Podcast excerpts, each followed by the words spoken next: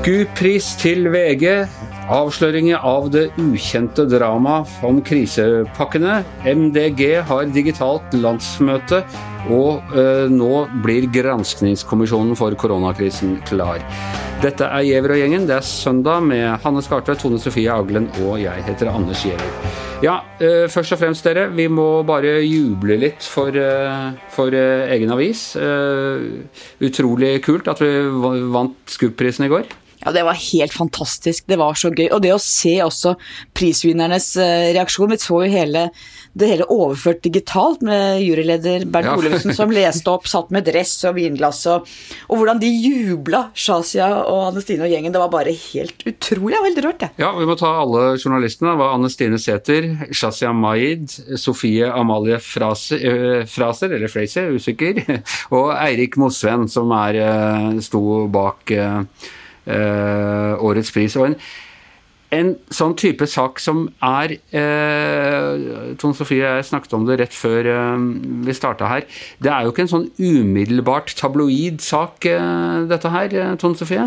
Nei, det handler jo om den ikke veldig fristende reformen, Samhandlingsreformen, og hvordan eldre, skrøpelige pasienter har blitt litt sånn kasteballer mellom kommuner og, og, og stat, eh, sykehusene. Og jeg må jo innrømme at jeg snakka litt om den saken i podkasten, og jeg så at du, Anders, fikk noe litt sånn flakkende i blikket når, eh, når skravla gikk her om det. Så det, det er, på en måte en veldig viktig sak, men, men, ikke det mest tabloide, må det være lov å si. Og desto artigere at de får en sånn pris. Eller Samhandlingsreform er ikke et uh, ord som klinger godt i tabloide overskrifter, men det er utrolig viktig, og disse folka har da holdt på å jobbe i månedsvis. Nei, det dreper jo enhver tekst. Og da for å si, Det er jo da altså anvendt journalistikk på hvordan eh, hvordan denne eh, reformen virket, og hvordan myndighetene var nødt til å betale eh, masse bøter for å ikke kunne levere på det reformen lovet. Da. Altså praksisen av en veldig metodisk og grundig og grundig sak. Og veldig data. ikke sant? De har holdt på med koding og datating. Og, og så er det en god blanding i det teamet da, ikke sant? med folk som har økonomikompetanse, Shazia, eh, Anne Stine som har jobba med nyheter og tunge nyheter i mange år, altså 72 kvinner i sin del, store avsløringer, systematisk jobbing. Eirik som er eh, kanskje vår aller beste, en av de aller beste politiske reporterne. Eh, en ung med på laget, hele utviklingsavdelinga. Altså det er et sånt teamarbeid hvor du trekker inn erfaring og guts og kunnskap og alt på en gang. Det er en fantastisk miks. Og når vi da først også er inne på Eirik Mosveen, så må vi også nevne den store avsløringen eh, i helgen. Eller en, ja, en, avdekking, må man vel egentlig kunne si at det var. Hvor, eh, hvor vi har gått gjennom hva som faktisk skjedde bak kulissene. Dette er ting vi, er ting vi har snakket uh, mye om her på podkasten. Da vi fikk krisepakka eh, for en eh, måneds tid siden. hvordan det oppstod en ny uheldig allianse i norsk politikk. Firebanden, som du vel har kalt dem, Tone Sofie? Ja, og det var egentlig ganske tydelig også for oss som observerte norsk politikk den, den første uka at uh, regjeringa å si at de kanskje ikke forsto alvoret, det hører de noen sier det, men at de var mye mer påholden og forsiktig med, med, med, tiltakene, mens opposisjonen var langt mer utålmodig etter å få på plass eh, eh tiltak, eh, kombinert med at eh, Eh, Regjeringa var også litt sånn prega av at det har vært eh, betydelig utskiftning. Jan Tore Sanner var ny som finansminister, det var nye ministre. Det var også nye folk på Stortinget. Lederen av finanskomiteen, eh, Mudassar Kapur, var helt fersk, og det bærer nok også litt sånn preg av det den den første helga, men det som også er litt sånn bekymringsfullt, som ikke fikk noe mye debatt den gangen, for da var alle veldig i krisemodus, det er jo hvor fort uh, millionene rulla uten noe som helst debatt og veldig lite konsekvensutredning om, om det her var de riktige grepene. Og Vi ser også at uh, Stortinget var jo mer bekymra for konsekvensen, eller var jo ønska mye mer utredninger av sine egne forslag enn det de fikk. Og de mener nok også i opposisjonen at regjeringen opplevde seg som om fortsatt, de fortsatt var en flertallsregjering. De trodde nok de kunne cruise dette gjennom ved hjelp av gamle samarbeidspartner Frp, og så slo det stikk motsatt, og de fire bonda veldig tett og ble på en måte de som styrte økonomien gjennom denne helga. Er det nok til at det er dette regjeringsplattform her, regjeringsgrunnlag her, for de fire partiene? Nei. det tror jeg ikke. Det er vel lite som, lite som tyder på det, men eh, det viser jo at når de fire partiene gikk sammen, at de faktisk hadde et flertall og, og den makta som ligger i det. Men det som også ble veldig synlig for all verden, var hvor fort eh, Frp rista av seg eh, de her relasjonene til sine gamle regjeringsvenner. Jeg tror nok mange, særlig Høyre, var veldig skuffa over Frp, for de hadde nok trodd at de var litt mer i, i, samme båt. Og tenk, det var jo altså Frp-leder Siv Jensen hadde jo kort tid i forveien vært finansminister og hatt ansvaret for ansvarlighet for hele den norske økonomien, og så bare skifter hun side smekk og går over til opposisjon. Det er klart at det overraska nok Erne Solberg, og det er ganske kraftig. Ja, det er lett å ha god råd når man er langt hjemmefra. Eh, vi nevnte jo at Eirik Mosveen var med på den også, men er, da må vi også nevne nevner Runa Fjellanger, Alf Bjarne Johnsen, Stig Øystein Smith. Og fotografene Terje Bringdal, Kristus Sørbø og eh, Torfinn Weiser, som har laget grafikken på denne her, som er meget fancy presentert på nettet, men som også kan leses i papirutgaven på litt uh, mer gammeldags måte. Igjen godt teamarbeid i VG, hvor folk jobber sammen og får til utrolig bra ting.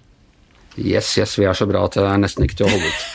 Eh, litt mer, altså Nå er, oppnevnes granskningskommisjonen Eh, Hanne, hva tror du om den? Eh, den har jo allerede fått noe kritikk, fordi eh, det er et par stykker der som er direkte underordnet regjeringa. Den forstand at de er fylkesmenn og andre ting og rapporterer til regjeringa. Det er veldig bra at det kommer en granskingskommisjon. Det er en gammel debatt om det er Stortinget eller regjeringen som skal oppnevne. Det ble jo tatt en slags president etter 22.07, hvor det var regjeringen som oppnevnte Gjørv-kommisjonen, og nå er det regjeringen i dag som oppnevner denne kommisjonen her, som skal levere ganske kjapt i løpet av eh, våren neste år. Og akkurat det er det ikke noen protester på, at, er, eh, at, regjeringen får lov til å granske seg selv. Det, ja, som du sa, det ble skapt en, en presedens med, med Gjørv-kommisjonen. Nei, men vi så jo bl.a. Marit Arnstad, Senterpartiets parlamentariske leder, som var ute og sa at vi kom med mange innspill til gode nå, fikk ikke gjennomslag for noen. Og det er klart at det er viktig hvis den skal ha tyngde og troverdighet, at også opposisjonen føler at den eh, reflekterer det, det, de ønsker. Eh, men det er jo helt avhengig av hva de faktisk leverer. Ja. Men ikke, ikke lurt å liksom tirre opposisjonen allerede ved utnevnelsen, når, øh, når det ligger en viss raushet i å la regjeringen oppnevne denne kommisjonen selv? Nei, på ingen måte. Og helt i innledende fasene, slik jeg forsto det, så ønsket nok regjeringen å legge mest vekt på hvordan de hadde håndtert pandemien da det skjedde, altså da man fikk denne vinteren og våren da pandemien kom, mens opposisjonen er opptatt av at du skal se langt tilbake i tid og se hva som faktisk har ligget der av beredskap, av lagre med utstyr, eh, sykehusene, altså hvor godt vi var beredt. og snak, Da snakker vi om mange år tilbake i tid hvor man har lagt grunnlag for å kunne møte en krise. Hvor interessert er Frp i det? De satt jo med både beredskapsminister og folkehelseminister helt rett før pandemien. det tror jeg de har tenkt å se helt bort fra og frigjøre seg fra. Bare er noe å kritisere, tror jeg de vil gønne på, kjenner jeg dem rett. Ja, men For det ligger jo åpenbart et politisk ansvar hos Fremskrittspartiet her, eller de har vært inne i sirkelen av ansvar her? Absolutt, og de har jo sittet med alle, og det er ikke få, justisminister i denne perioden. Fram til Monica Mæland, som da er nummer åtte i rekka, og de har sittet med beredskapsministeren, så det er klart at de har et stort ansvar. Men jeg tror at de som parti, andre partier ville kanskje tatt det litt mer på alvor og vært litt mer moderate, men jeg, det gjenstår å se. Men jeg tror ikke Frp vil holde seg veldig tilbake. Hva tror du om det, Tone Sofie? Eh, jeg tror eh, Frp kommer til å drive særdeles lite sjølpisking på, på, sin del av uh, ansvaret. Det har jo for øvrig vært uh, en sånn interessant uh, Det har vel kanskje ikke akkurat vært en debatt, men mange som har snakka om at fordi det har vært så stor utskiftning i Justisdepartementet, så mye uro og, sånn, så har det um, fagområdet lidd under det. Jeg har jo ikke noe dokumentasjon på at det faktisk er skjedd, men det, det er noe som har blitt sagt om både politireform og andre ting, og, og, det, og det, er jo interessant også uh, knytta til denne beredskapen. Men en annen ting som jeg er litt sånn spent på, er jo som noen har, har, kommet med innvending på, er jo er det for tidlig? For vi er jo på en måte fortsatt midt oppi denne krisa. Vi vet jo fint lite om, uh, om framtida, og det var vel tidligere statssekretær for Høyre, Laila Bokhari, som er tidligere terrorforsker, og som uh, skrev en kronikk om det og, og mente at at uh, på den fasen vi er i nå, så er det veldig lett at man ser seg blind på enkelte deler. Uh, og det er noe med den her spesielle situasjonen vi er i nå. Ja, og Når må de levere? I mars neste år, tror jeg det var. Så ja. vi skal jobbe et år, da. Og det var vel omtrent det Gjørv-kommisjonen hadde også. Jeg husker ikke helt når de ble åpnet, men de leverte i hvert fall i sånn august-september året etter. Ja, så var det drøyt år på dem òg. Ja, nei, eh, det blir spennende. Og litt som med, med 22. juli-kommisjonen. Eh, regjeringen fikk mye kudos for hvordan de håndterte situasjonen akkurat da det skjedde. Mens Eh, mens eh, kommisjonens rapport kritiserte dem meget skarpt for det som hadde ledet opp til at det skjedde, og det risikerer vi vel at skjer her òg. Det ligger i ordet beredskap handler om å være beredt. Og det er ikke alltid vi er beredt, selv om vi har vært i speideren nesten alle sammen. Eh, så er det landsmøte denne helgen, og det er du på, Tone Sofie, selv om du er hjemme. ja, det er ferdig nå, da, men det var mitt livs første hjemmelandsmøte i Miljøpartiet. Og mange var jo veldig spent på hvordan det skulle gå. Nå var det jo et veldig sånn avkorta landsmøte. De eneste politiske sakene de diskuterte, var jo knytta til uh, Eh, denne krisepakkene og hvordan det skal håndteres. Og så var det valg, da. Og det har jo vært en eh, ganske sånn skjellsettende prosess i Miljøpartiet. For de har jo alltid hatt en sånn to sidestilte talspersoner, og det har de brukt Jeg sitter og og hørt på en del landsmøter, og de har sittet time opp og time i mente og krangla om den der eh, partiledermodellen sin. Gjerne sånn langt ute i de sene nattetimer mens alle, alle journalistene ville i baren. Men nå har de altså bestemt at det skal være en vanlig partileder, og man har jo vært veldig redd for at det skal gjøre MDG mer likt et vanlig parti, for de liker liksom å tenke på seg sjøl som en folkebevegelse mer enn et parti. Men Une Bastholm ble, ikke akkurat til applaus, men til mange sånne rare fingerbevegelser, valgt til uh, MDGs første partileder. Rent praktisk, hvor mange var liksom inne på skjermen på en gang? Eller altså, hvordan, hvordan foregikk det rent uh, teknisk? Nei, Det var egentlig ganske imponerende. Det var jo litt skurr og sånn eh, til å begynne med, men det funka faktisk overraskende greit. Og det var liksom en sånn mosaikk, og så kom jo folk opp. Og, og det var faktisk også ganske sånn tøffe debatter, og mer enn sånn proforma som jeg kanskje hadde sett for meg. Men så hørte jeg også noen sa det at uh, det var Jens Kiel, tror jeg, i Bergens Tidende, at, at Miljøpartiet er jo et parti med veldig mange unge eh, velutdanna folk, om du kan uh, si det. For jeg har jo sett en del sånn politiske møter, mm, og jeg ser særlig en del av de litt oppi årene, blir det veldig mye sånn uh, close-ups og litt sånn rare formasjoner, men at mange av de der er litt sånn eh, vant til teknologi. Så det var, det var, faktisk veldig sånn godt gjennomført. Da. Men du mister jo alt det som jeg mener gjør et landsmøte, nemlig at folk møtes og henger i baren og diskuterer og viser seg fram. Og... Men til å få gjort en jobb, så funka det. Av og til havne på feil rom. Og... ja, jeg tror liksom alt det der er en del av uh, et partis uh, identitet. Og det er alltid veldig sånn eh, nesten rørende å sitte liksom på første dag når alle delegatene kommer reisende inn fra hele landet og ser liksom gjensynsgleden. og Det er jo sånn folk som møtes én eller gang i år eller hvert andre år. og Det, det er veldig mye lim i det der. da. Eh, gammel historie fra sånn SV-landsmøte hvor eh, jeg lurer på om det var Jon Olav Egeland ja, som var eh, journalist for Dagbladet og kom borti brannalarmen utpå natta, og så kom alle ut fra rommene sine, og ingen kom fra de rommene de skulle.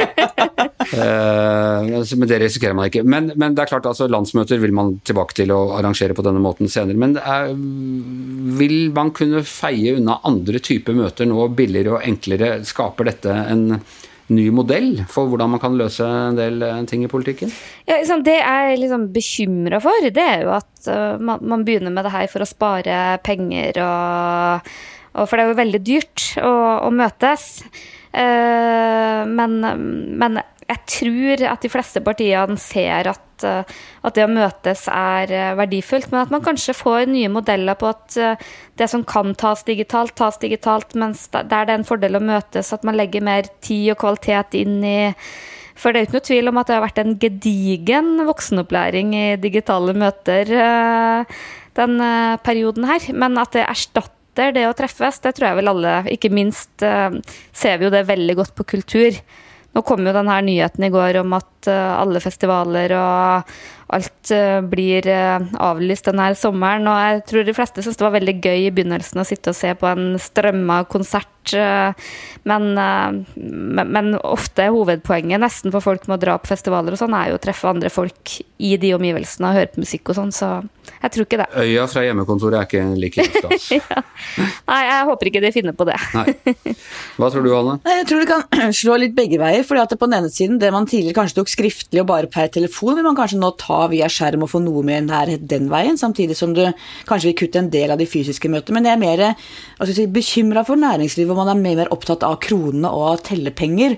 At man verdsetter kanskje de fysiske møtene og det limet det er mer i frivillige organisasjoner og partier enn man gjør i næringslivet. På godt og vondt. For vi kanskje kutte de reisene som er liksom reise til Stockholm for et totimersmøte, som kan være bra å ha mindre av det. Men du trenger jo fysiske møter både i næringslivet og partiene og ja, overalt, egentlig. Folk trenger folk. Vi trenger å møtes snart, vi også. Vi har sittet her nå, sitter vi her på andre måneden og bare ser hverandre på sånne litt flimrete bilder og og i det hele tatt. Hvor, eh, hvor lenge er det til vi åpner opp eh, den prisbelønte avisen VG1, eh, Hanne? Nei, Det veit jeg ikke. Det, jeg håper det blir snart, men jeg tror det kan bli en stund til. Ja. Ingen avgjørelser er tatt. Vi fortsetter uansett å lage avis og skaffe nyheter hver dag, og å lage podkast. Og i denne søndagspodkasten var Tone Sofie Aglen og Hanne Skartveit med. Jeg heter Anders Giæver, og vår podkastfestivalsjef, som er produsent for det hele, heter Magne Antonsen. Vi høres igjen i morgen.